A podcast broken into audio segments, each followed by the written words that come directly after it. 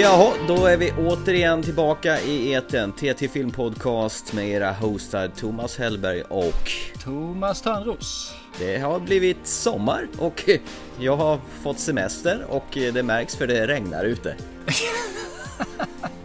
Vad tragiskt! Ja, men det är väl som alltid. Men det har ju varit fint väder när du jobbade så att det jämnar ut sig ju. Nej men det är, väl, det är väl så det är. Vi har haft den sommaren som vi förtjänade när vi jobbade och sen när man väl går på semester. Men det är klart, det, det är ju massa fo fotbolls-VM har ju dragit igång så att då, då kan man ju sitta in och glo på fotboll Yay! en hel månad om man nu är intresserad av det, vilket jag inte är. Vilk, är är Sverige med förresten? Ja, absolut. Klart de är. Ah, bra. Ja. Just då. Jag är jätteintresserad som du märker alltså. Eller? Ja, det, det låter ju som ditt intresse är lika stort som mitt. Men nu kan jag sträckkolla säsong två av Hand, Handmaid's Tale och Westworld till exempel. Och en massa, Ah. ja, en massa andra gottiga tv-serier. Jag har Handmaid's Tale att se fram emot. Jag har inte riktigt gått igång med den. Jag vet inte varför. Den, jag vill se den men det på något vis så finns det ett motstånd att slå på den. Min sambo hon tycker det är toppen. Han säger ah, bra det vi måste se ett avsnitt till. Problemet är att när vi har börjat titta på dem har jag hållit mig... Jag har så svårt att hålla mig vaken när vi har börjat titta så sent. Så att det har ju blivit att vi ser avsnitten och sen får jag se om dem igen dagen på för jag håller mig inte vaken. Det är inte på grund av att det är dåligt utan det är väl att man du är gammal. Jag är gammal och jobbat och sen slår man på det för sent. Men men, det är en skitbra serie. Den är väldigt långsam och suggestiv och väldigt samhällskritisk. Det målar upp en värld som har gått åt helvete där kvinnornas rätt är helt ifråntagna. De är bara avelsdjur. Ska bli kul. Jag ser fram emot att titta på den. För då blir det framåt hösten tror jag för min del. Alltså när det börjar bli lite mörkare och ruggare ute. Då kör jag igång den. Men innan vi drar igång eh, våra filmrecensioner så kommer vi till den stående filmpunkten. Thomas Törnros läxar upp sina barn i modern filmkonst. Ja, det har ju blivit en stående punkt de sista programmen faktiskt. Det blir. Får se om jag kan hålla takten här och eh, få dem att titta på gamla härliga filmer. Ja, vad har du rappat upp dem med den här gången då? En riktigt gammal goding från 1974. Det är svartvitt. Nej, inte svartvitt. Eller ja, det, det är svart och vitt är det faktiskt. Har du rätt i så pass långt? Från, från 74? Ja, visst vet du. Det här är en komedi. Som eh, egentligen då... Eh, ah, den går ju i samma genre som alla den här regissörens filmer. Det är ju en Mel Mm. Brooks film. Mhm, okej. Och det är då... Och sen westernfilmen varianten. Då vet du vilken det är. Ja men då vet jag absolut det. Det är vårat för sheriffen, eller Blazing Saddle som den heter på original. Precis. Och den här filmen tänkte jag faktiskt visa för dem för rätt många år sedan. Men jag tänkte jag titta in på den själv först. Och upptäckte att det fanns rätt så mycket sexism i den här filmen. Alltså. Med rätt så mycket så är det råmycket. Det är brutalt med sexism i den. Och en hel hop med rava med rasism också. Så jag tänkte, nej, det var inte värt det tyckte jag. Det, det, det hade blivit för mycket frågetecken och alltihopa. Men jag tänkte nu, nu börjar de bli lite äldre. Eldson är 16, minstingen är 13, snart 14. Jag tänkte det, det är dags för nu, nu kan de se den här. Ja, för er som inte vet vad den handlar om egentligen så är det ju en, en stad som blir attackerad av eh, massa nidingar som ska göra den här staden värdelös. Så de flyttar därifrån så de kan ta över marken på enkelt sätt. För de blir guld värd för järnvägen ska gå i den här eh, marken där, de, där den här staden ligger. Det är en enkel premiss. Och för att göra det här så mördar de sheriffen och staden behöver en ny sheriff. Den som eh, håller på att skrämma bort dem är också den som är, han är där juridiskt högt uppsatt person i alla fall. Så han ser till att det kommer en specialpolis till staden. Och det är givetvis Amerikas första svarta polis. Bart. Ja det där kommer jag ihåg. We welcome our new... Negro. Det skulle aldrig, den här filmen skulle aldrig kunna göras idag. För det är Nej. så mycket rasism skämt i det där. Det är så mycket, nu får jag inte säga det men jag säger det i alla fall, så mycket negerskämt i det här fallet. Alltså då. Mm. För det, det är så mycket om eh, olika samhällsklasser och eh, om man är kines eller man är färgad eller vad det är för någonting. Och det, Mm. nostalgins mått mätt så tycker jag de här faktiskt är riktigt trevliga. här. Men man mår lite illa till mos när man ser det för det blir lite för mycket ibland. Men jag har ju en kommentar från min äldste son där. När jag frågade Ja. liksom, okej, var, det- var, det här, var det bra den här filmen eller vad tyckte du? Det här sa han. Det här är en kvalitetsfilm. Okej, hur tänkte han då? Nej, han älskar ju sån här humor. Det, är, det går ju det är precis på punkt, på spika, alltså. Jaha. Han, eh, han garvar eh, sig har ju inte vissa skeenden. Mm. Och så är det då, ibland så blir det ju väldigt barnslig humor. Så man kommer ihåg det finns en pruttscen mer eller mindre när folk äter bönor och det en mer eller mindre en orkester av rapar och fisar runt Ja, men-. Pröthumor går väl alltid hem hos barn och tonåringar? Ja, det går hem hos mig också faktiskt. Ja, ja du har ju barnasinnet kvar så att...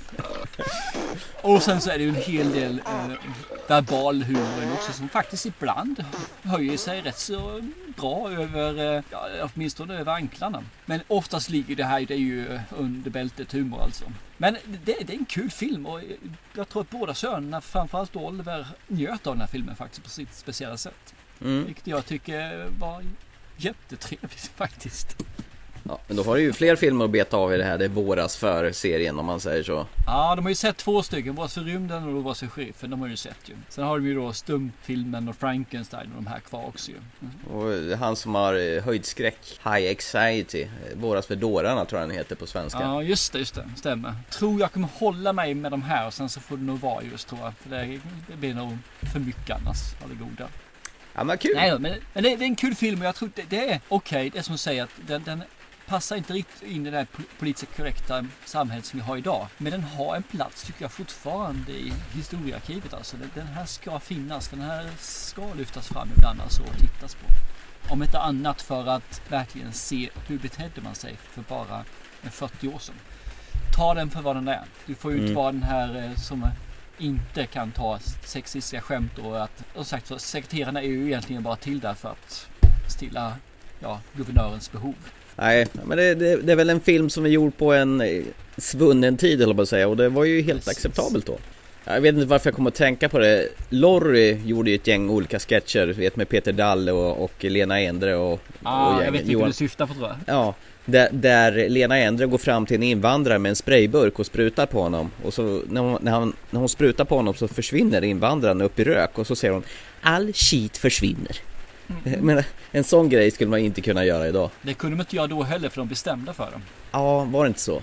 Ja, då, så fick vi ta tillbaka det. Det var, måste ju ha varit verkligen så här, ska vi våga göra det här? Och jag tycker för min del att man ska våga skoja med allt. Sen måste man Mm. göra det på ett snyggt sätt. Men Ja. man måste kunna, man måste kunna skoja med allt. Mm. Men man kan inte göra det på alla sätt. Och Det här kanske var ett övertramp. Fast jag för mig att jag tyckte det var rätt kul. För det började ju med, med toalettstolen, all skit försvinner. Ja, Och just det. sen blev det ju mer och mer då som försvann. Så det var ju inte bara att det fanns en upptrappning till det hela. Ett sidospår.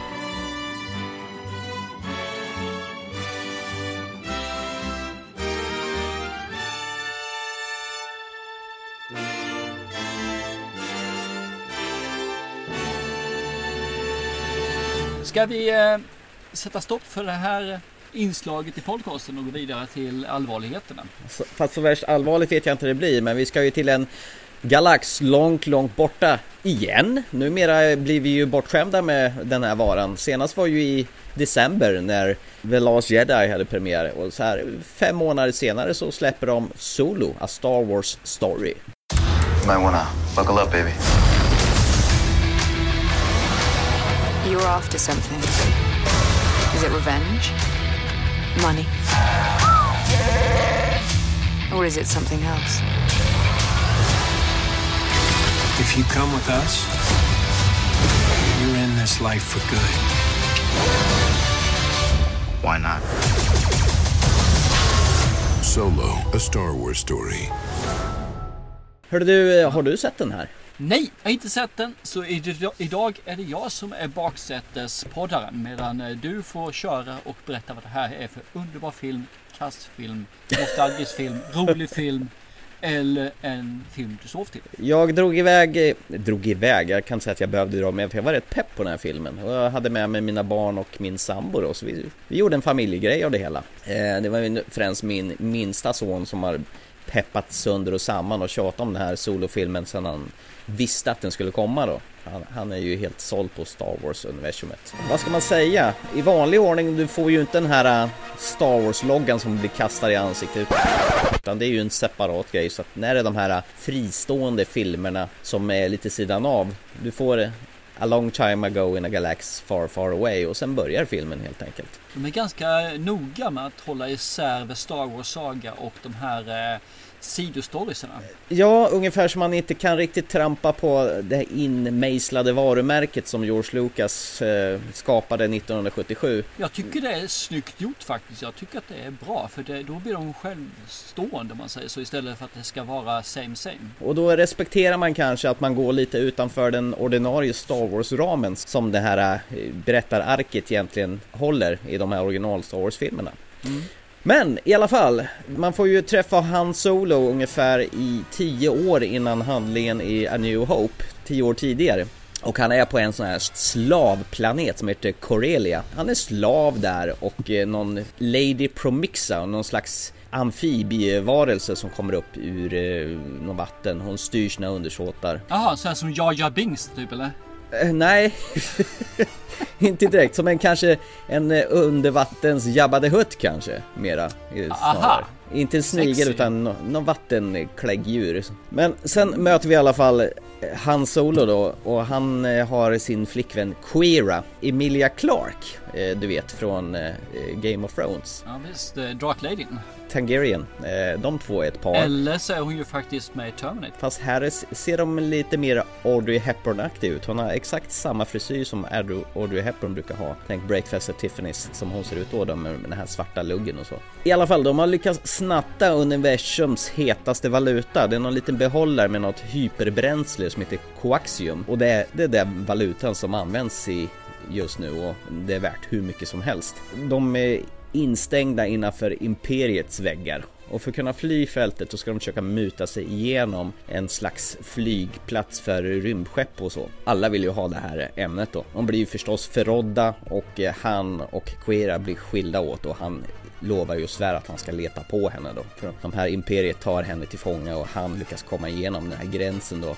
Man kan säga flygplats säkerhetskontrollen då lyckas han ta sig igenom då. Och, och sen för att få ihop lite pengar och kunna finansiera och skaffa sig ett rymdskepp så haft, hamnar han i lag med ett gäng då som ska göra någon stöt mot ett, eh, ett tåg som- går högt upp i bergen som ska vara fullastad med det här hyperbränslet Är coaxium. det den de har varit på trailern? När man har, Ja. har vagnar både över och under som en sån här berg och dalbana? Ja, precis. Och det är lite spännande. Du har väl aldrig sett ett tåg någonsin i en Star Wars-film? I det här läget då så är det ju första gången man får se han träffade Sally, höll jag på att säga. Nej, förlåt. när, när han Solo träffade Chewbacca. Ja just det. Och han Solo inte har något efternamn överhuvudtaget. Så att, eh, mm, han heter bara han. Ja. Ska man vara politiskt korrekt i alla fall så måste det vara hen, inte han va? Ah, Han Solo, ja varför inte? Filmen är faktiskt politiskt korrekt för de kastar in en, eh, jag kommer till det sen helt enkelt. Vad det här är egentligen. Det är ju ingen regelrätt rymdfilm utan ja, du gillar ju såna här heistfilmer så vitt jag vet, typ Oceans Eleven och såna här filmer va? Absolut. Det här är ju en klassisk heistfilm där alla lurar alla, lurar brallorna av varandra.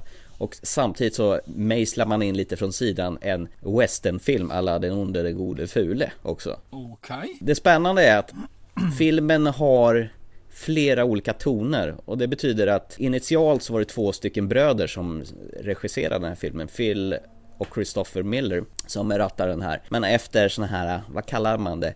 Meningsskiljaktigheter av den kreativa processen så fick de sparken. Eller man, de fick lämna projektet. Man säger ju aldrig att de fick sparken. Menaktighetsskiljaktigheter. I den kreativa processen, det vill säga att, ja ja okej. Ja. Lättfint, You- ja, lätt bra. You're fired! Skulle jag tro.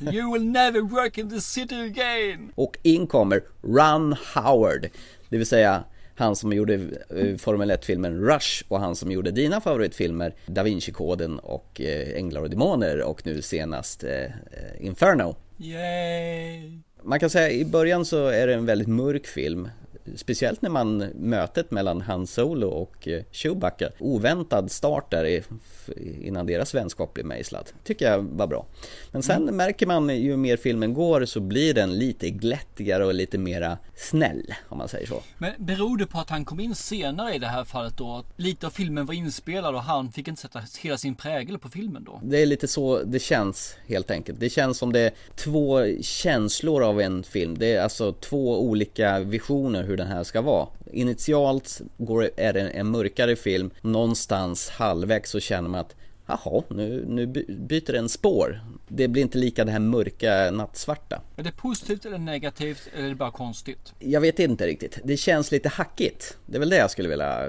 sätta fingret på. Att det, det, struk- det är inte riktigt samma struktur i filmen. Man märker att den har drabbats av problematik den här filmen när de har spelat in den.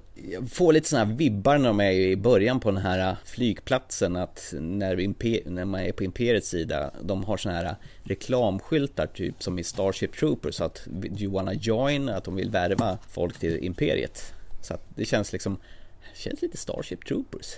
Spännande faktiskt. Okej. Ja, ja, ja. Ja. Men i alla fall, grundkänslan i alla fall är då att man känns att man då och då kastas tillbaka till original Star Wars. Eh, Du har ju en stor, tung spelpjäs i den här filmen, det är ju Millennium Falcon då. Den, man har ju hört det sedan tidigare att, att Han Solo vinner Millennium Falcon över eh, Lando Calrissian i ett typ av pokerspel.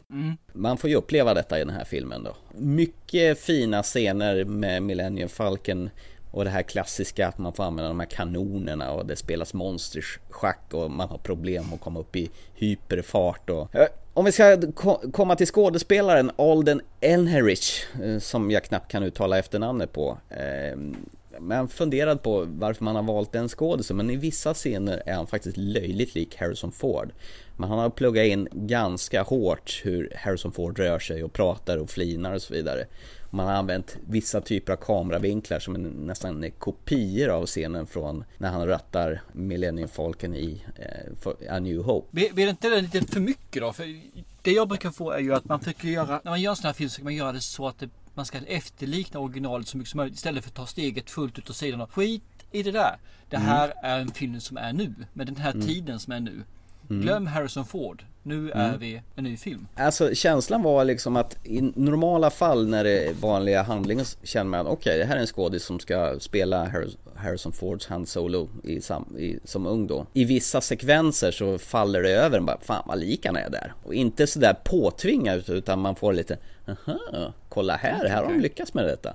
Så det känns ju bra. Sen har vi då Emilia Clarke då. Hon, hon spelar ju eh, hans kärleksintresse Queera och hon får ju inte så våldsamt mycket att jobba med. Men ändå så känns det som en blandning av prinsessan Leia i eh, Return of a Jedi ungefär. Och som jag sa tidigare Audrey Hepburn i sådana gamla 40-tals eh, filmer där hon var med och hon hade sin storhetstid. Sen får vi, vad heter Sandy Newton? Du vet, eh, du har väl sett Westworld? Hon som är bordellmamman i den här Westworld-staden, Mav, hon den här svarta tjejen. Precis. Hon är med här fast hon underanvänds på ett väldigt beklagligt vis. Hon är med Hon är ju jättebra i Westworld. Ja. Hon är ju helt suverän där. och, och hon är jättebra här också men de slarvar ju bort karaktären och djävuls vilket är tråkigt tycker jag. Vad synd. Och sen har vi ju filmens största frågetecken i filmen. Woody Harrelson. Äh? Du vet Just Zombieland. det. Jag har sett Nat- honom där. Ja. Natural Born Killers. Man undrar, vad fan gör han i den här filmen överhuvudtaget? Han är ju felkastat så du stänker om det. Jag, jag fattar inte. Det är jättekonstigt. Men eh, vad är han för någon? Är han bad guy eller vad är han för någonting? Han är ju en av de här som eh, Han Solo teamar upp med i det här gänget för att göra den här stöten. Han är ju ledaren för, för det här. Eh, Det är han och hon, Fandy Newton från Westworld som är initialt då. Sen är det ju Han Solo och Chewbacca som, som kommer dit då plus någon, någon till, en pilot. Eh, någon form av utomjordisk karaktär, datanimerad gubbe som i och för sig är rätt kul också. Och sen när vi kommer till eh, Land Lando Carissian är det ju en skådespelare som heter Donna Glover som spelar honom. Och eh, han är ju något porträttlik Lando Calrissian. Han har ju förstås med sig en robot. Det är han som äger Falken då. Och då har han en feministisk robot som heter L3. Hon tror på jämställdhet av Guds nåde och verkligen vill att alla ska vara fria, fria själar. Så här har man ju verkligen fått in det här jämställdhetstänket i det hela också. Okej. Det känns ju ungefär att man måste på något sätt vara aktuell i dagens ämnen och vad som är eh, viktigt för att visa att nu, nu bryr man sig om det också. Jag tror att man måste göra det i vilket fall som helst. Problemet är bara att det här nu blir då en prequel för någon ställe där man faktiskt inte brydde sig om det för det var för tidigt. I, Nu måste man vara, skohorna in det lite grann känns som. Det blir bara konstigt känns som när du berättar om det. Ja, det är det jag menar alltså. Vissa segment känns lite malplacerade. Men i grund och botten så är det faktiskt en rätt underhållande historia. Trots att det, vad vad heter det, plot holes. Eh, som är djupa som den här eh, avgrundsmonstret i Return of Jedi som ville svälja dem ute i öknen ungefär. Det finns ganska gott om, alltså de säger repliker som senare i filmen motsäger sig totalt. Och man undrar, hur, hur fan tänkte de här? Är det att mycket har hamnat på klippgolvet? Är det det att det var två olika regissörer som, inte, som har varit inblandade? Man vill inte ha gått tillbaka och filma om vissa saker. Så, men om man lägger det åt sidan så är det ju en helt klart underhållande film. Du får som sagt en heistfilm som är blandat med, med en western helt enkelt. Tyvärr så nöjer man sig inte att knyta ihop Solo som en one time offer utan man öppnar ju dörrar för att bygga vidare på det här ifall det blir en succé. Vad jag vet nu så har inte filmen spelat in sina 300 miljoner som filmen kostade att göra. I USA någonstans så har man landat någonstans på 183 miljoner men i Europa, i resten av världen så tror jag man har spelat in 300 miljoner så jag antar väl att man räknar vill med budgeten worldwide så då har det väl den gått ihop sig. Den gick inte så starkt som man hade väntat sig vid premiärhelgen och de första veckorna som man så att filmbolaget eh, ansåg att det här var en flopp. Men är det så konstigt? Ett halvår sedan vi fick förra filmen. Nej. Hade det här varit bättre att lagt ut den här i december i år? Precis. Jag vet inte varför man hade så bråttom att kasta ut den nu. För jag menar, det är väl precis som du säger att man blir matad med Star Wars. Man blir mätt på det hela. Ja, Grejen är det att man sk- ska nog behöva vänta lite grann på en ny Star Wars-film. Att det ska bli en event, det ska bli någonting speciellt. Men nu, nu får det ju serverat som på McDonalds. Nu har jag, nu har jag ätit, nu kan jag gå in och ta en ny meny om jag vill. Ja, det känns lite sådär måste jag säga också. Men Mm. samtidigt så tycker jag att när, när man breddar Star Wars-universum nu så tycker jag det känns lite grann. Vi, vi måste, vi måste, vi köpt den här för x antal miljarder. Vi, vi måste få tillbaka pengarna. Då försöker man då bredda det och man gör det utan att ha egentligen tänkt till det ordentligt. Vad är det egentligen man vill ha? Vad är det som man vill göra? Alltså inte bara en film utan hur vill man universumet ska se ut om tio år? Och jag tycker det känns som att de inte riktigt har planerat. De har bara planerat, ja men Han Solo går att göra en film på. Leia går att göra en film på. Det går att göra film på det här och det här. Ja, det gör det. Men vad ger det till universumet? Mm. Vet du vad du får när du säger sådär? Det hade jag faktiskt glömt bort men det är lite Mad Max-vibbar över det hela också faktiskt. Ja, okej, du, du, du har det här karga ö- ökenlandskapet och wastelands och eh, ja, du finner lite figurer som är ute i öknen som påminner om Mad Max. Jag adderar då eh, från en heistfilm, westernfilm och lite sån här wastelandfilm av det hela. Som jag sa tidigare så nöjer man sig inte och, och eh, göra det som en engångsfilm utan mot slutet av filmen tar man fram någon karaktär och sidetracka lite grann för att ifall den här går väl ut så naturligtvis så kan vi bygga vidare på det. Utan det blir ingen riktig sån här closure utan vi lämnar några dörrar öppna för att bygga vidare till nästa gång. Och jag läste någonstans att han hade fått en något kontrakt på två filmer till ifall den här går väl ut. Så man fortsätter att bygga på detta. Det är inte som Rogue One att det här bara wipar man ut det här. Det var historien innan Episod 4 utan här kan man bygga flera historier med den unge Han Solo. Jag förstår dem. Det är ju så du tjänar pengar idag. Men det är jättetråkigt för det, det tar bort så mycket av upplevelserna tycker jag. Men för att bygga vidare lite grann på det här hur man, hur man bygger ett universum. Eh, Hur de gör det. Som det känns nu så har de bara ympat av vissa skott som finns där som är lågt hängande frukt. Nu vet jag att du tycker inte om Marvels universum. Men de har ju verkligen lyckats att binda ihop det här. De är löst sammankopplade men det finns en väg framåt. Det finns en röd tråd genom de här sakerna. Som nu då avslutas i Infinity War, två filmer. Men efter Infinity War så tar ju inte Marvels universum slut. Nej. Då kommer man ju bygga vidare på det igen. Då, och så kommer det bli, och de är jätteduktiga på det här, bygga upp det här liksom. Det här vill vi, det här är vägen framåt. Sen får man se, tycka vad man vill om filmerna. Men de är mästare på planering i alla fall och bygga ut franchisen. Jag tror nog att det är lite så här de försöker göra i den här filmen också. Jag, jag tänker inte tala om vad för slags karaktär det är som eh, Nej.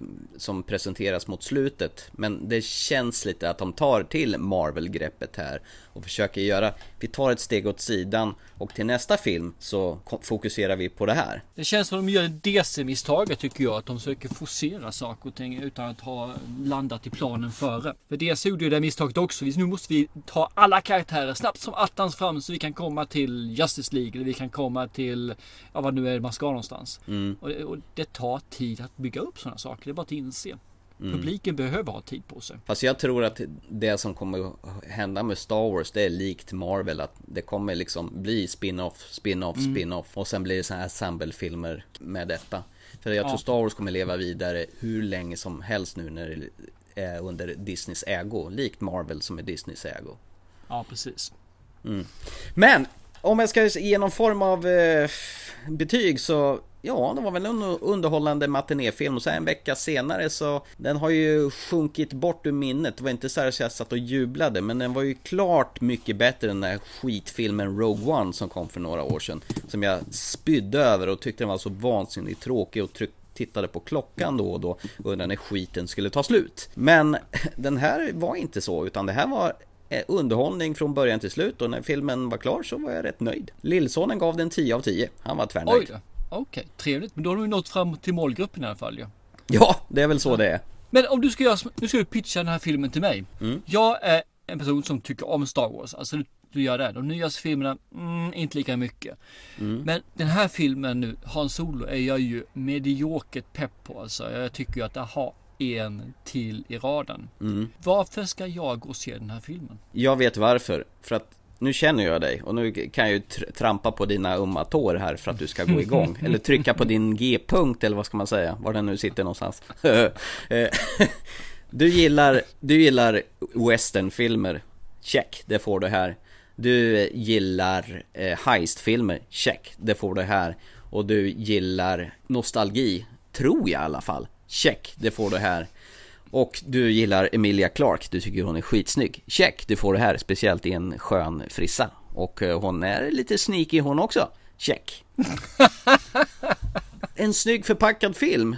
Trots att det skav lite här och var. Så att, eh, nej men underhållande. Det var en faktiskt riktigt behaglig bioupplevelse också. Men ska jag skynda mig och se den på bio medan den fortfarande går där? Eller kan jag vänta och titta på min TV hemma istället? Jag tror den här faktiskt gör sig väldigt fin på bio. Jag hade inte ont av den, utan det var rätt mäktiga sekvenser i filmen som eh, inte alls var tokigt på stor duk. Jag gillade det verkligen faktiskt. Så att eh, dra med grabbarna och gå och se den här. Jag tror inte ni alls kommer bli besvikna. Grabbarna är ju mediokert intresserade de också.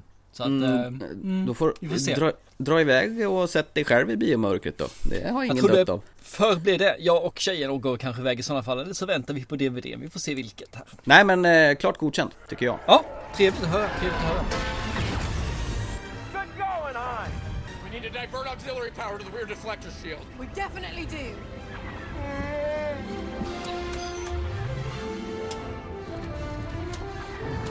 When do you know how to fly? 190 years old? You look great. Chewie, get in. I'll help Lando.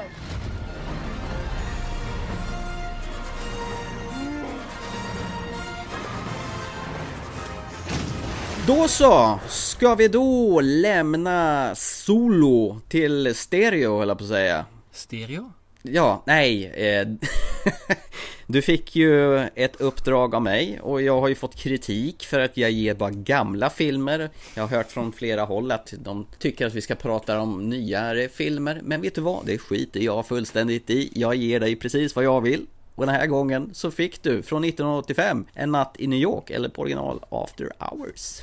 Why don't you just go home?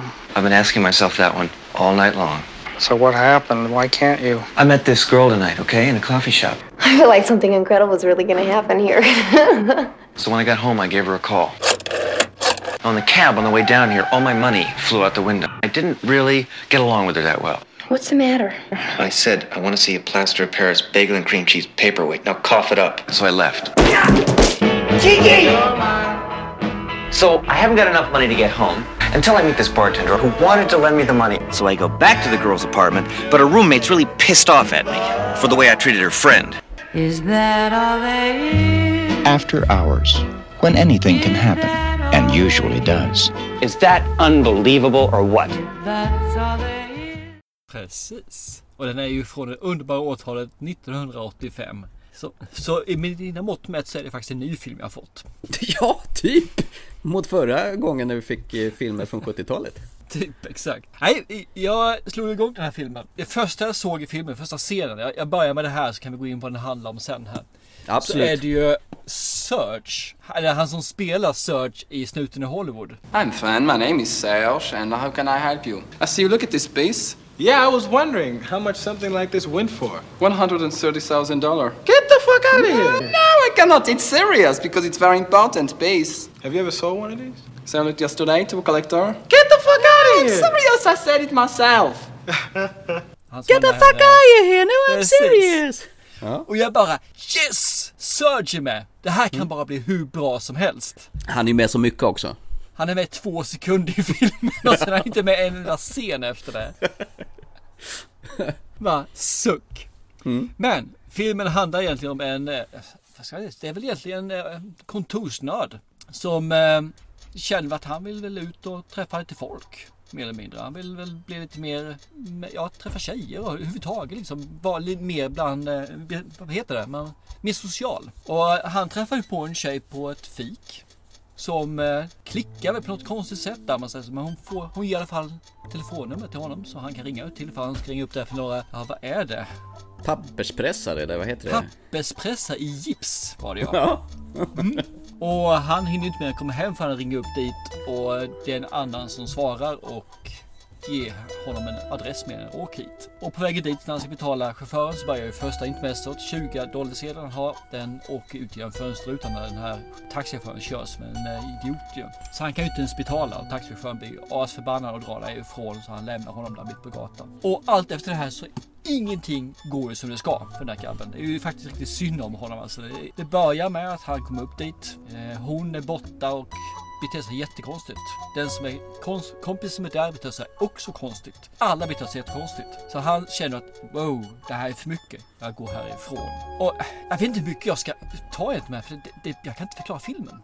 Det, det är liksom en, en crazy film utan eh, att gå over top i eh, bananskashumor egentligen. En serie otursförsedda händelser för Precis. huvudrollskaraktären. Och han träffar bara unika människor om vi ska vara snälla i det här fallet då. Psychos! Som- Som har sina egenheter, exakt. Och de flesta är ju då tjejer som helt plötsligt verkligen, ja de vill gärna ha innan på rummet, de vill göra det ena och andra, de vill liksom göra allt. Och han blir ju bara, han vill bara hem. Men eftersom han inte har några pengar är det då svårt att ta sig hem på ett, ett vanligt sätt. Eh, tittar man i den här filmen, det är ju Martin Scorsese som gjort den här. Och man kan väl inte mer säga att, ja det förstår jag väl att han gjort den. Det syns väl lite grann va? Ja, eh, jag kände ju det med. Men eh, jag, jag tycker Martin Scorsese gör rätt bra filmer. Det, det gör han. Eh, Han är, en del är bra och andra blir lite platt för allt. Men överlag tycker jag om hans filmer. Och han har ett sätt att berätta som jag tycker är intressant och tilltalar mig. Jag kan tyvärr inte sätta tummen på vad det är för något. Men det är någonting som jag faller givande där. Och tittar man här så finns det också en hel del kända ansikten som dyker upp där. Eller mer eller mindre kända ansikten i alla fall ju. Så att eh, vi har ju huvudrollsinnehavaren. Det är ju eh, Griffin Dunn. Han är ju bland annat med i Dallas Spice Club. Jag känner nog främst igen honom från eh, en amerikansk varulv i London. Ja, det är din favoritfilm, inte min. Mm. Men absolut. Och så är jag med i Movie 43 givetvis som director. Där. Ja det är han ju, det har du rätt i. Ja, och sen ska vi in på Rosanna Arquette. Också Mm. en kändis där som varit med i Pulp Fiction, Ostroped emellan, Susan Värdu bland annat. Mm. Eh, vad heter hon? Brenna Bloom är också en sån där som man faktiskt har sett. En äldre film enbart ska jag säga där. Men eh, hon var i Mm. Delta-gänget, Mannen med oxpiska med Clinton då ju. Men det är gamla filmer hon med. Men det, ja, hon, man känner igen henne i alla fall där. Och Cheech och Chong. Ja, Cheech och Chong, precis. Så att, eh, de, de är ju som alltid, som sagt var ju. Jag tycker om man, man ser de här gamla karaktärerna som man känner igen och som då har trillat bort lite grann, som inte har gjort någonting eh, större. De senaste decennierna kan man nästan säga i det här fallet. En- del har gjort filmer, absolut, men de har gjort lite mindre roller, de har gjort mindre filmer överhuvudtaget då liksom. Men jag tycker ändå det är kul att de dyker upp här i en, vad blir det, 30 år gammal film. Mm, den är ju inte helt purfärsk längre, nej. Nej, den är ju inte det. Och jag ska väl inte avslöja slutet i den här filmen, men han visste ju inte hur man skulle, hur han skulle avsluta den här alltså. Så Nej. han tog ju faktiskt hjälp av Steven Spielberg bland annat och säga hur ska jag göra? Och jag tycker slutet är helt suveränt. Jag verkligen älskar det här slutet. Det är, Mm. det, är, det är det bästa med filmen och det är inte ofta jag säger att ett slut är det bästa med en film. Oh. För det här slutet är fasen ta med det bästa ja, i hela filmen utan jämförelse. Det som säger, det går ju, det ju, går ju på speed i den här filmen. Även om takten är lite långsam. Så är Mm. det ändå så att alltså, folk går på ecstasy hela tiden. För karaktärerna är så hypade. Karaktärerna är så speedade i sig själva. Även om dialogerna är väldigt långsamma och eh, underfundiga ibland. Och konstiga ska man säga med. Samt att ibland då puff, säger det bara och sen så downar filmen. Och så är det nästan en drama istället för en komedi. Jag är- blir hänförd den här filmen. Jag tycker den här var jättebra. Jag är faktiskt eh, tacksam att du gav mig en eh, gammal eländig film från 85 alltså.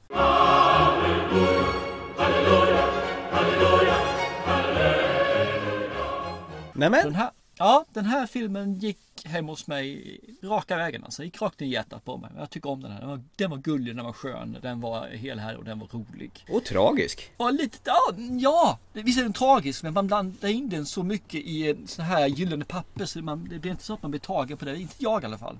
Nej. Och så fick du se en ovanligt eh, grov hångelscen med, mellan två läderbögar på en pub också. Absolut! Där finns det mesta i den här filmen som sagt var. Ja. Och, och det, det roliga är att man ser liksom, som du säger, man blandar och ger överallt. Men det känns alltid som att det här är naturligt. På något vis så får den här onaturliga, osannolika att ja, det är klart det hände i den här filmen. Det är klart det hände här. Varför skulle det inte göra det? Men! Ja. Jag såg den här tillsammans med min kära tjej. Och Mm. hon hade ju sagt det att hade det här inte varit för att du var tvungen att se den så hade den här ju rökt ut genom fönsterrutan. Jag tror hon sa något om hon skulle spatsera bort över Örebros gator och spotta i ansiktet också eftersom jag är lite osäker på den punkten. Nämen! Shit. Nej hon tyckte inte alls om det. Nej hon sa inte det lov. Hon tyckte inte alls om det för hon tyckte det här var Nej det var, det var för konstigt. Det var bara skit tyckte hon alltså. Och jag kan förstå henne faktiskt. För tycker man inte om det här som är lite udda i, i en film. Alltså att det ska vara saker som inte Det finns ingen röd tråd i den här filmen egentligen. Det finns bara händelser. Det finns bara en natt. Och kan man inte ta det i en film utan man vill ha liksom den här klara vägen framåt. Det ska vara en solklar röd linje, en början och ett slut. Ja, då tycker man inte om den här filmen. För den ger ingenting sånt alls. Utan den ger bara en person och hans, ja, hans upplevelse och möten under den här natten då i, i New York. Möter en massa eh, udda människor. Ja, visst och blir jagad av allihop också säga. Men, Ja, precis. men nej, jag tycker om den här, det gör jag. Men jag skulle ha svårt att rekommendera den till någon. För den är lite gammal, den är lite egen och jag, jag skulle nog behöva känna personen väldigt väl innan jag eh, säger att ja, men se Natt i New York. Det, den, den, den tror jag du tycker om. Att, eh, men jag tyckte om den. Mm, vad kul att höra. Jag kan säga att det här tillhör ju en av mina absoluta favoritfilmer. Eh, Jag har sett den här filmen kanske lätt 30 gånger. Det är Lätt Wow. räknat faktiskt. Jag älskar ju Griffin Dunns rollkaraktär som uttråkad kontorsråtta som känner att han vill ha lite spänning mitt i natten. Mm. Eh, Möter Rosanna Arquette som eh, lider av någon jävla bipolär. Hon är bipolär på något vis. Hon är glad, hon är ledsen, hon är hysterisk, hon är, hon, hon är glad igen. Och så här fortsätter det ju. Han möter ju folk med folk som har har Tourettes. Han möter ju folk som, de är ju inte normala någonstans. En barägare som, eh, och en eh, servitris som hatar sitt jobb. Bara konstiga människor rakt igenom. Och det här tickandet du får höra genom hela filmen. Klockan, att tiden går och han är mer stressad över att han inte vill vara där, han vill komma därifrån. Jag tycker de skapar en superskön känsla att han är totalt ensam i mitt i natten och de, den här efter, filmen heter After Hours. Det är en mysig sån här New York historia där de har lyckats få till det på en intim och en mysig satir, drama, komedi, alltså i en stor gottepåse. Jag, jag tittar ju på den här nu inför ditt uppdrag också för att se om den här har falnat med åren, men jag, jag tycker fortfarande den här är helt fantastisk. Ja, jag förstår det. Det gör jag absolut. För den, eh, jag blir hemförd av den. Den, Ja. den, är, den, den är en gottepåse, precis som du sa. Jag köper den, den förklaringen hur lätt som helst. Men visst är det ett smart grepp att kasta in det tickande klockljudet mellan varven för att inse att nu går tiden, nu är han Börjar han bli mer stressad. Han är ju så kolugn i början. Ju mer skit han får råka ut för och åka fram och tillbaka och inse att han kommer ingen vart därifrån. Hur liksom det byggs upp en, en frustration och en ångest inom honom. Jag, jag kan relatera till det. Jag tycker det är nice. Nej, jag, jag håller med dig. Det gör jag alltså. För det, Mm. Hans frustration är ju verkligen den är verklig om man säger så. Den känns verklig. Det var ju faktiskt Griffin Dunn, han var ju producent. Han insåg att för att göra de filmerna han själv vill göra. Han och hans fru, de skickade ju det här manuset till Martin Scorsese från början. Och eh, han var tydligen upptagen med någon Jesusfilm som man inte fick i hamn. Jag kommer inte exakt vad det var. det- Chris, Jesus sista frestelse eller någonting tror jag den heter på svenska. Och då visade det sig att en ung Tim Burton var sugen på att göra den här filmen. Och han var ju i princip startklar och tänkte jag gör den. Du vet, eh, Edward Scissorhands och så vidare. Men så visade det sig att den här filmen som Martin Scorsese skulle göra, den, den, den blev lagd i malpåse för att det var inget filmbolag som ville finansiera den här. Så att okej, jag gör den här After Hours då. Så lille Tim Burton, han sa oj, är det Scorsese som ska göra den? Nej, men då tänker inte jag stå i vägen. Så han klev åt sidan och lät Martin Scorsese göra den där. Rätt coolt faktiskt. Istället Ja. för att det blev stridigheter. Jag ska, jag ska, jag ska. Ja, han hade väl så stor respekt för Scorsese, antar jag. Och, och det märks ju i filmen att det är hans visualisation som, som visas här med de här svepande kameravinklarna över nattliga gator och man, man ser att det är hans varumärke när man ser filmen. Det, det finns Scorsese skrivet över filmen rakt av. Nej men vad kul att du tyckte om den! Absolut! Då får jag väl lite upprättelse mot allt sånt här äh, nedtrampat jag har gett dig på sistone. Ja, det får jag väl göra. Jag får be om ursäkt för eh, några av de där. Ska du kasta över någonting till andra planhalvan då? Jag funderar på det lite grann. Jag satt här och undrade vilken jag skulle välja av dem. De här som tycker vi ska prata om nyare filmer Mm. ska få det av mig i så här fall. Jag vill att du ska se en film från 2018. Oj, det är ny så ny så det är ny så det är ny. Den är från i år. Nyare filmer. Ny, ny, Den ny. är så ny, så ny, så ny, så ny, så ny, så ny, så. Jaha. Mm. Det här är faktiskt en film som jag av en händelse sprang förbi och tänkte men den där låter lite småkul ju. Mhm. Story, plotten i den verkar väl kul så jag tänkte den där, den där vill jag se. Mm. Kammarspel kan man säga egentligen, hela filmen. Det är en enda, ett enda rum. Mer, Oh. mer eller mindre kan man säga. Oh. Ja, jag är svag för dem, så lite grann där ju. Och det, det roliga i det här fallet är att det finns egentligen två och en halv person i hela filmen. Två och en halv? Två syskon plus en AI. Aha. Det är, det är AI sätts som en halv person då i det här fallet. Filmen heter 2036 Origin Unknown. Okej. Så den tänkte jag att du ska få. Den är skitmysig och framförallt så vill jag se hur du tolkar slutet på den här. För jag såg den här filmen och tyckte men den var ju, ja, visst den okej. Ja. Den, den, den var sådär. Sen så gick vi sen gick det några dagar senare, om det var två eller tre dagar senare. Så, så vände jag mig till katten liksom och sa Du, är, är, är det så här kanske? Eller vad, vad tror du liksom? Och då, då hade den ploppat till. Och helt plötsligt hade mitt slut tagit ett steg till framåt. En film som kan väckas till liv bara två dagar senare, så två, tre dagar senare efter man har sett den. Men man fortfarande går och ser vad fan var det jag såg lite grann. Mm. Då tycker jag att då är det någonting jag vill sprida vidare. Ja men gud vad trevligt. Jag menar en film som lever kvar och man funderar på så här veckan efter. Det är ju inte alls tokigt. Och det här är ju en lågbudgetfilm så det ska du vara medveten om alltså. Och den har fått IMDB-resultatet 4,2. Vi får se vilken väg du tar. Du kan ta IMDB-varianten och tycka att vad fan är det här för någonting? Eller så ser du vad jag ser och eh, tycker att den här filmen är riktigt, riktigt givande. Vi får se om jag ställer mig till lag Törnros eller lag IMDB. Ja, absolut. Det ska bli jättekul att se. Jag vet ju var mina förhoppningar ligger någonstans. ju, Så att, eh, Ja, ibland skär det ju så ordentligt så att, eh, mm, vi får se. Vilken väg, hur vågskålen ter sig.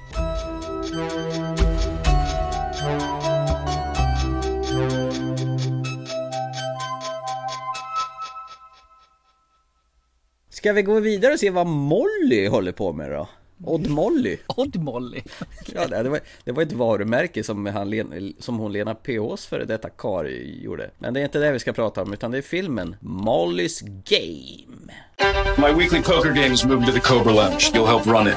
I was in a room with movie stars, directors, and business titans. You're making thousands in tips every week. Thank you, Molly. I want you to listen. You are unimportant. I wasn't gonna wait before I put a plan in place. First buy-in, 250,000. Let's play. I don't think I can defend the poker princess. If you think a princess can do what I did,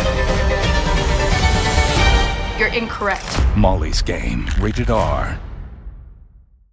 Jag vill bara innan vi börjar prata om den här Jessica Chastain, hon som spelar huvudrollen i Molly's Game, som spelar Molly Bloom. Kände du igen henne när du satte tänderna i den här? Eh, Jag vet att hon har varit med Interstellar. Mm, och Zero Dark Thirty och Crimson Peak, den här konstiga skräckfilmen med hemsökta hus. Men det tog en stund innan jag satte det. Jo, nej men jag kände igen henne med en gång också. Eller jag kände igen, jag kände igen att jag kände igen henne. Om man förstår vad jag menar då. Men jag kände inte igen för, exakt var hon kommer, vilka filmer jag sett. Hur fasen vad tönt. Jag känner igen att jag känner igen henne, jag känner igen henne. Ja. Men jag känner inte igen var hon kommer ifrån. Men Molly, spel... Jessica Chastain spelar den verkliga kvinnan Molly Bloom som hade lite fuffens för sig. Vad höll hon på med då, Mr Thomas Törnros? Vi kan väl börja med att hon åkte skidor när hon var yngre i alla fall. Eh, Puckelpist. Mm. Och var väl på väg in att eh, åka, ja att kla, klassa, klassa sig till eh, olympiska spelen. Men åka ut för en olycka där hon då, eh, ja, vurpar ordentligt där som sagt var. Hennes karriär går ju överstyr där istället så hon kan ju inte hålla på med det. Så hon ska ju bli jurist istället tänker hon ju. Men innan hon blir jurist så tyckte hon ju att då kan jag ju ta ett mellanår och åka iväg till en kompis och bara sola liksom och ta det lugnt. Och så när hon gör det så får hon ett jobb som servitris. Där får hon då träffa en kille som tar, får hon för anställning som sekreterare samtidigt då som har två jobb. Och där introduceras hon då in i den här, ja, det, det är ju lagliga pokerspel men väldigt high stake. Det är väldigt höga ante, det är väldigt höga nivåer på det. Mm. Och det slutar ju med där fick hon ju då x antal tusen i dricks bara för att hon är där och passar upp folk och så här. Så hon tänker, hmm, det här kan ju vara någonting som jag kan utveckla.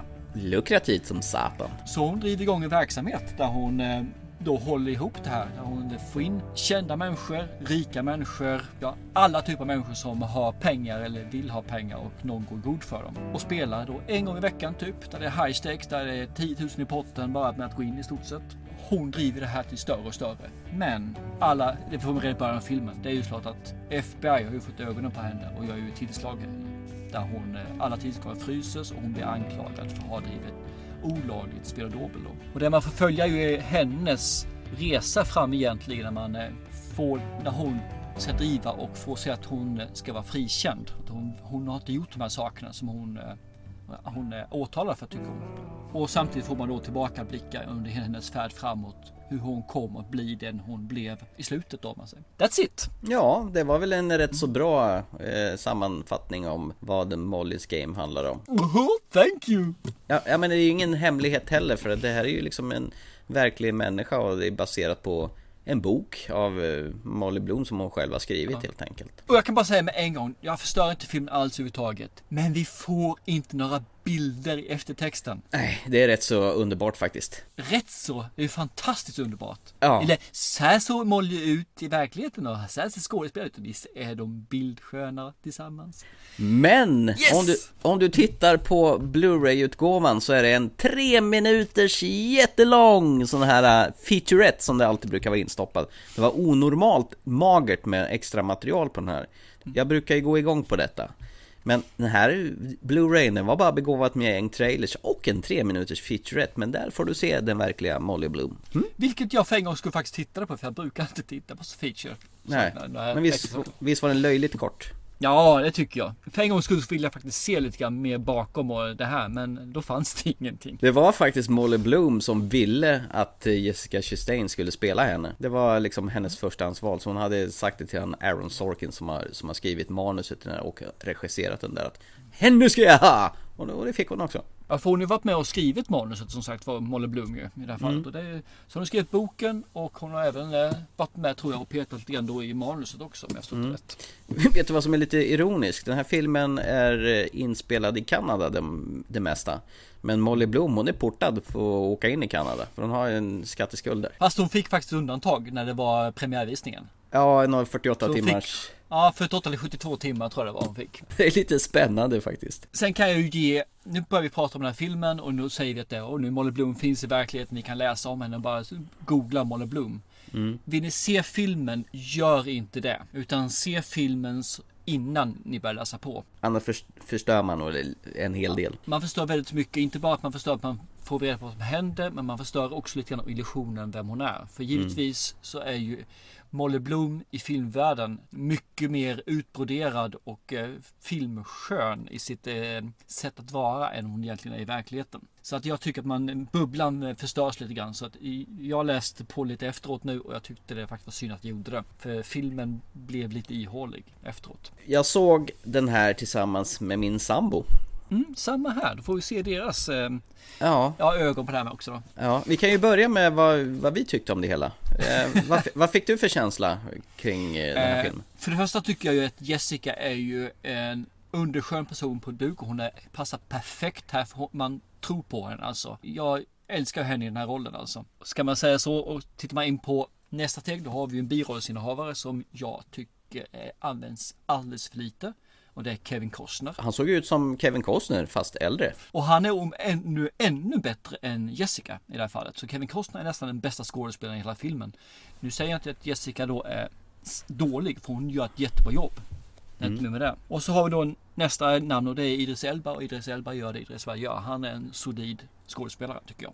Mm, ärligt talat så tycker jag att han är rätt tråkig i den här. Jag så jag tycker han fungerar. För han, mm. är en, han är jurist och han är advokat. Han ska mm. vara lite tråkig, väldigt eh, fyrkantig. Ja men då är han så bra på att spela tråkig då i så mm. fall.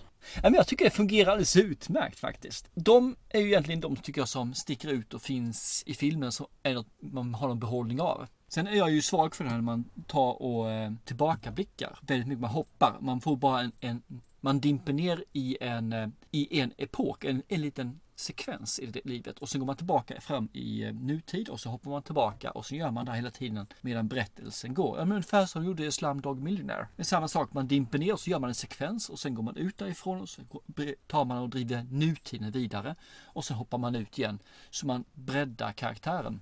Jag tycker om detta. Och sen så har du då en kvinna då som Molly Bloom eh, gestaltar sina filmer som är en som verkligen är intelligent. Hon är smart, hon är listig, hon ser bra ut och hon vet att hon kan nyttja det. Och hon är väldigt mycket entreprenör. Och sådana kvinnor jag är väldigt attraherande att se på. Och, jag vet, jag vet är det inte att de har det här så ska de ha läder och en k-pist eller ha en eh, huggtänd och en svans. Jag menar, that's me.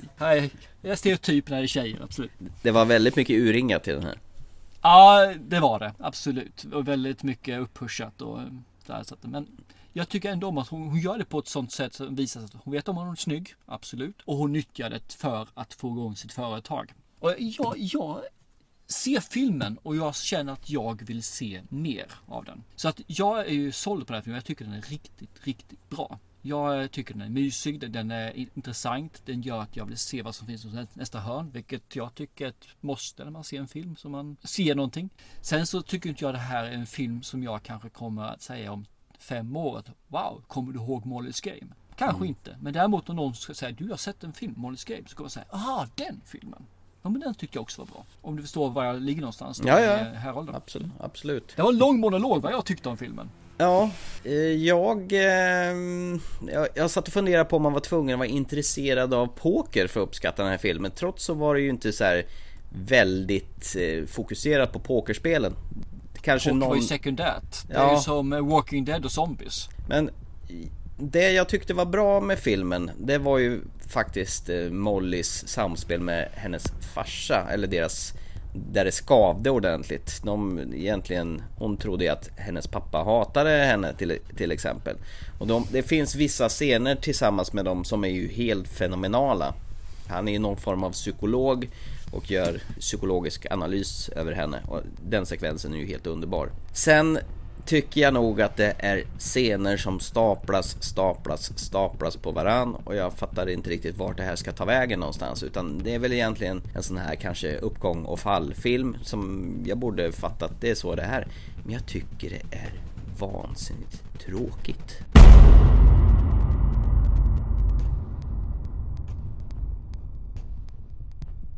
Det här var inte alls min kopp av te någonstans.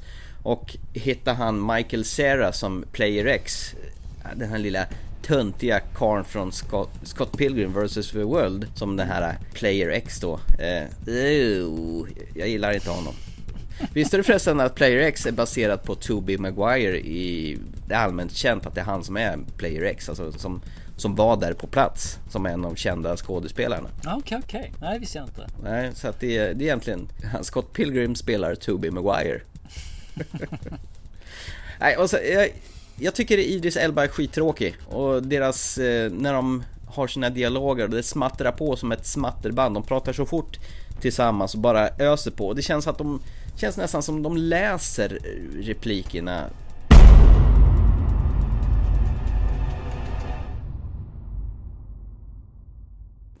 Jag vet inte. Jag tycker det är monotont. Okej, okay. Jag föll inte alls för den här filmen.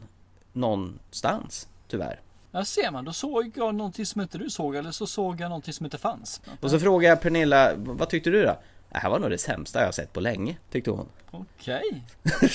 Riktigt så långt ska jag inte drif drifta det hela. Jag bara förstod inte var, var sympatin skulle finnas för henne. För det, det kändes som att hon jobbade arslet för att bli bäst på allting och nu skulle hon bli bäst på householda kortspel. Men och, där men jag, tycker jag nog att du gör ett misstag. Varför mm -hmm. ska det finnas en sympati för henne? Nej, kanske inte. Men jag, jag kände liksom inte varför ska jag bry mig om henne någonstans? Och jag gör för, inte för jag, det jag hade inte heller där sympati för henne ett smack för hon har satt en situation själv. Det är inte så att mm. tvingad dit. Hon kunde när som helst gått till studierna och läst till jurist. Va? Mm. Utan jag, jag, tycker mer det är storyn i sig själv som jag tycker är, är stimulerande. Hur eh, saker och ting drivs upp och drivs till sin spets. Men jag fattar liksom inte drivkraften till slut utan när det börjar knaka i fogarna men hon bara öser på.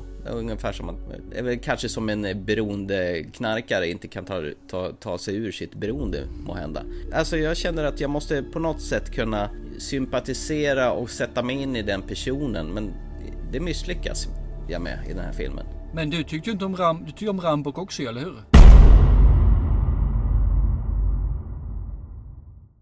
Rambok? Ja, zombiefilmen, den tyska zombiefilmen. Ja, men den var ju kul ju. Ja, men du sympatiserar inte med honom där den? Du menar han med, han med knivarna och gafflarna? Nej, jag är hemskt ledsen, men jag, jag fastnar inte för den här. Nej men det är helt okej. Okay. Det är helt mm. okej okay, som sagt Man ser ju olika saker. Sen kan det ju kanske vara så att hade jag sett den här ena kvällen jag var upplagd på annat sätt så hade mm. det kanske varit sämre. Men tjejen, hon tyckte också att den här var bra faktiskt. Okej, okay. det var ett 2-2 läge här nu alltså. Precis, det var dit jag ville komma liksom. Så att 50% av svenska folk tyckte faktiskt att den här var riktigt bra. 50% av svenska befolkningen har ingen smak. Det betyder att den här filmen blev plus minus noll. Den existerar inte. Ja, jag vet inte. Jag kanske var på dåligt humör när jag såg den här filmen, men eh, nej. Den, nej, men jag tror inte det behöver vara, utan ibland så ger inte en film något, man, man, man är inte där. Det känns som att jag satt och tittade på det här, men jag var inte investerad i det. Jag kom aldrig in i pokerrummet tillsammans med det här och kände att vad, vad, vad är stakesen på det hela? Det enda gången tycker jag när det tänder till, det är när, nej det är att ge bort det så att säga, men det är när det börjar knaka i fogarna, när, när andra aktörer börjar bli inblandade om du förstår vad jag menar. Mm. Då, då tyckte jag filmen tände till lite grann, men det var väl också enda gången. Som jag sa tidigare, så det behållningen i filmen, det är Molly Blooms och hennes pappas eh, relation. Det var väl det som jag tyckte var trevligt. Idris Elba har jag inte mycket för i den här filmen. Jag vet inte, jag gick kanske in med i den här filmen att det här skulle vara en bra film. För jag har ju sett trailerserna Mm. Och var ju jättesugen på den här filmen. Alltså det här tänkte jag, wow, det här kan bli hur bra som helst. Nu blev inte mm. filmen riktigt det som jag trodde jag skulle få när jag så hade sett trailersna. Nej. Ändå så hade jag kanske den här att det, det var positiva vibbar gick in med. Inte de här gigantiska vibbarna att wow, det här blir världens bästa film. För det har alla andra sagt. Det här är en stunds underhållning nu liksom. Vi sitter här i två och en halv timme och tittar på den här filmen. Och, ja, jag, jag tittar inte på klockan en enda gång så sett. Och det tycker jag ju, då är det ju bra betyg för min del i alla fall. Ja, jag fick det jag var ute efter faktiskt. Och jag tyckte istället att den här tog aldrig slut. Men ja, det, det, är ju säkert fler som håller med dig för den här fick ju faktiskt eh, Oscars för bästa manus från en originalförlaga från, från en eh, sån här baserad på en bok. Jag kan ju ha fel, men det, det är vad jag tycker. Nej, nej, nej, nej. Thomas, du kan inte ha fel så utan du har fel. för Thomas har alltid rätt. Yes. Ja. Nej men jag vill nog inte ge bort mer av filmen så, att jag är ganska bekväm med det jag har fått fram också, vad jag tycker om den. Det är rätt kul att vi har så fundamentalt olika åsikter om den. Det är lite spännande att Jessica Chastain, hon var inte ett dugg intresserad av poker när hon gjorde den här filmen. Nej, hon Men kunde inte ett smack om det. Och det är någon sekvens när de förklarar vad de här olika spelarna har på handen och skickas upp kort eh, som, som en sån här sidoinlägg på, i bild i bild. Och det gick så fort så att där var jag helt lost kan jag säga. Ja. Jag, jag hängde inte Det- med där. Det är ju helt oväsentligt egentligen men det finns en fördel om man kan eh, namnen på River, Flop och det här liksom. Mm. Men eh, det, det är inget som behövs egentligen för det blir ungefär som man ser en, eh, en sjukhusfilm. Du lägger inte märke till alla de här tekniska termerna som de sprutar ut sig när de ska, vad heter det, ta fram och återuppliva en person. Men däremot skulle det bli kul att se henne igen här i nästa år. När det del två kommer, när hon ska vara Beverly. Ja just det, det stämmer ja. Det kommer ju hon passa som hand i en handsken. Det tror jag också. Absolut. Hon är väldigt bra castad. Hon är ju en fantastisk skådespelerska. Som sagt, jag gillar henne i Zero Dark Thirty jättemycket.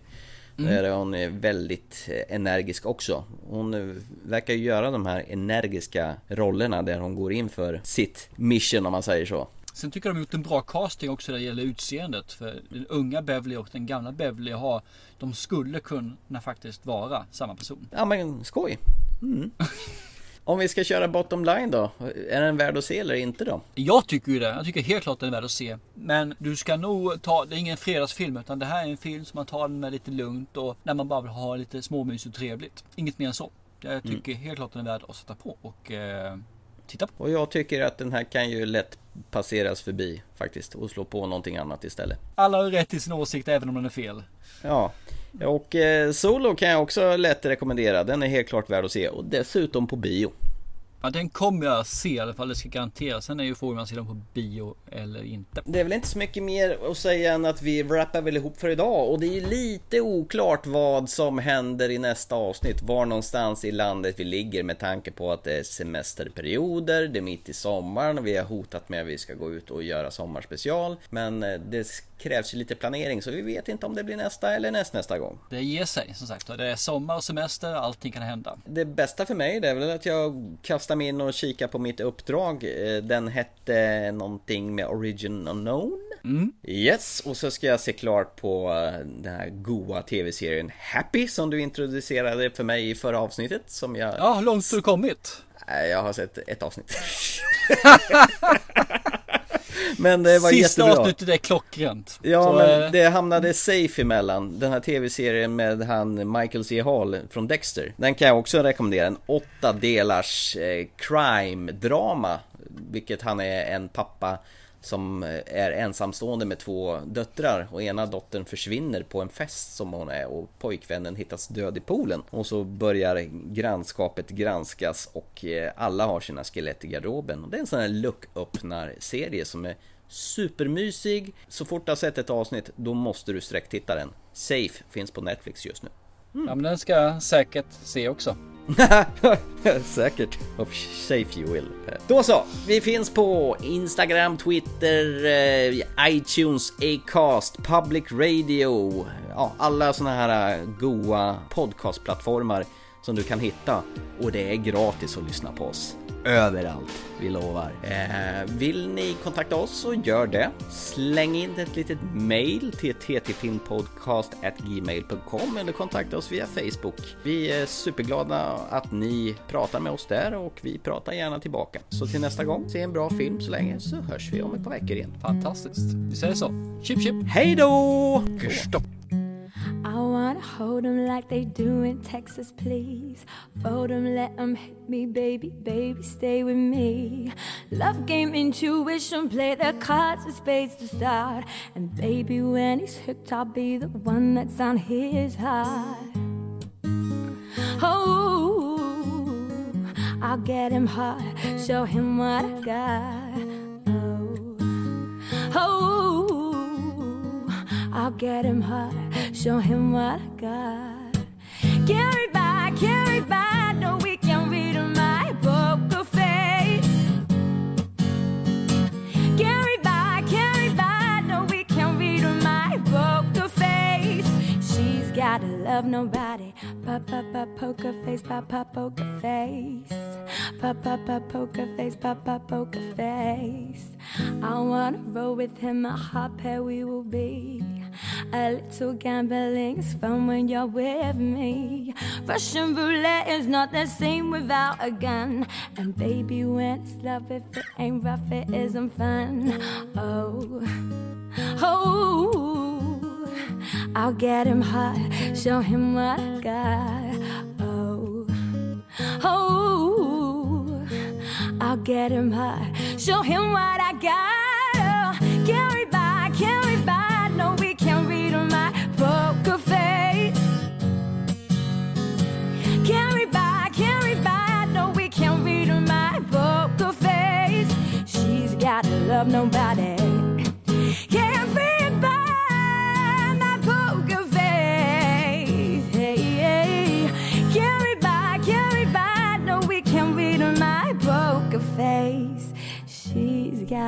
Love nobody.